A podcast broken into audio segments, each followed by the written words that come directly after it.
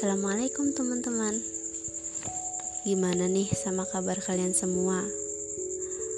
Aku harap kalian tetap semangat dengan apa pun yang sedang kalian alami sekarang. And in this podcast Aku mau ngebahas atau bacot-bacot sedikit nih Tentang the power of mind.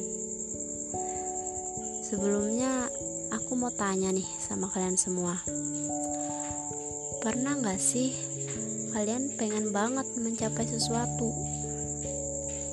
Atau kalian pengen banget nih ngelakuin sesuatu Tapi belum apa-apa udah was-was dan takut Gimana ya kalau aku gagal nanti? Hmm, gimana ya kalau aku nggak bisa ngelakuin ini kalau aku ngelakuin ini orang-orang mau bilang apa tentang aku? Dan pemikiran-pemikiran negatif lainnya. Banyak banget orang-orang khususnya para remaja yang punya pemikiran seperti ini. Dulu aku sering banget ngelakuin ini. Rasanya pengen banget mengecapai dan ngelakuin sesuatu tapi udah takut duluan.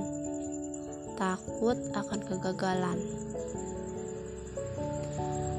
Waktu aku kelas 9 aku pernah ngelis hal-hal yang pengen banget aku capai di masa SMA mulai dari mau lanjut ke mana mau beli HP baru. Nanti di SMA mau ikut ekskul apa aja.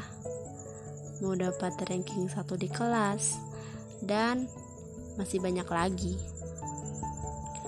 Aku selalu baca list itu hampir setiap hari. Dan aku yakin kalau aku pasti bisa ngerapatin itu semua.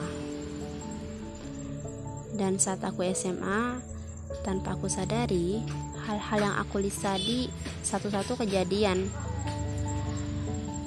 Sampai aku pernah ngebaca sebuah buku yang judulnya Secret Book. Buku ini berisi tentang hal-hal yang orang orang sepelein, tapi berpengaruh besar dalam kehidupan kita. Ada satu kalimat yang paling aku notice, it works as much as you think whenever your mind follows the law of attraction works.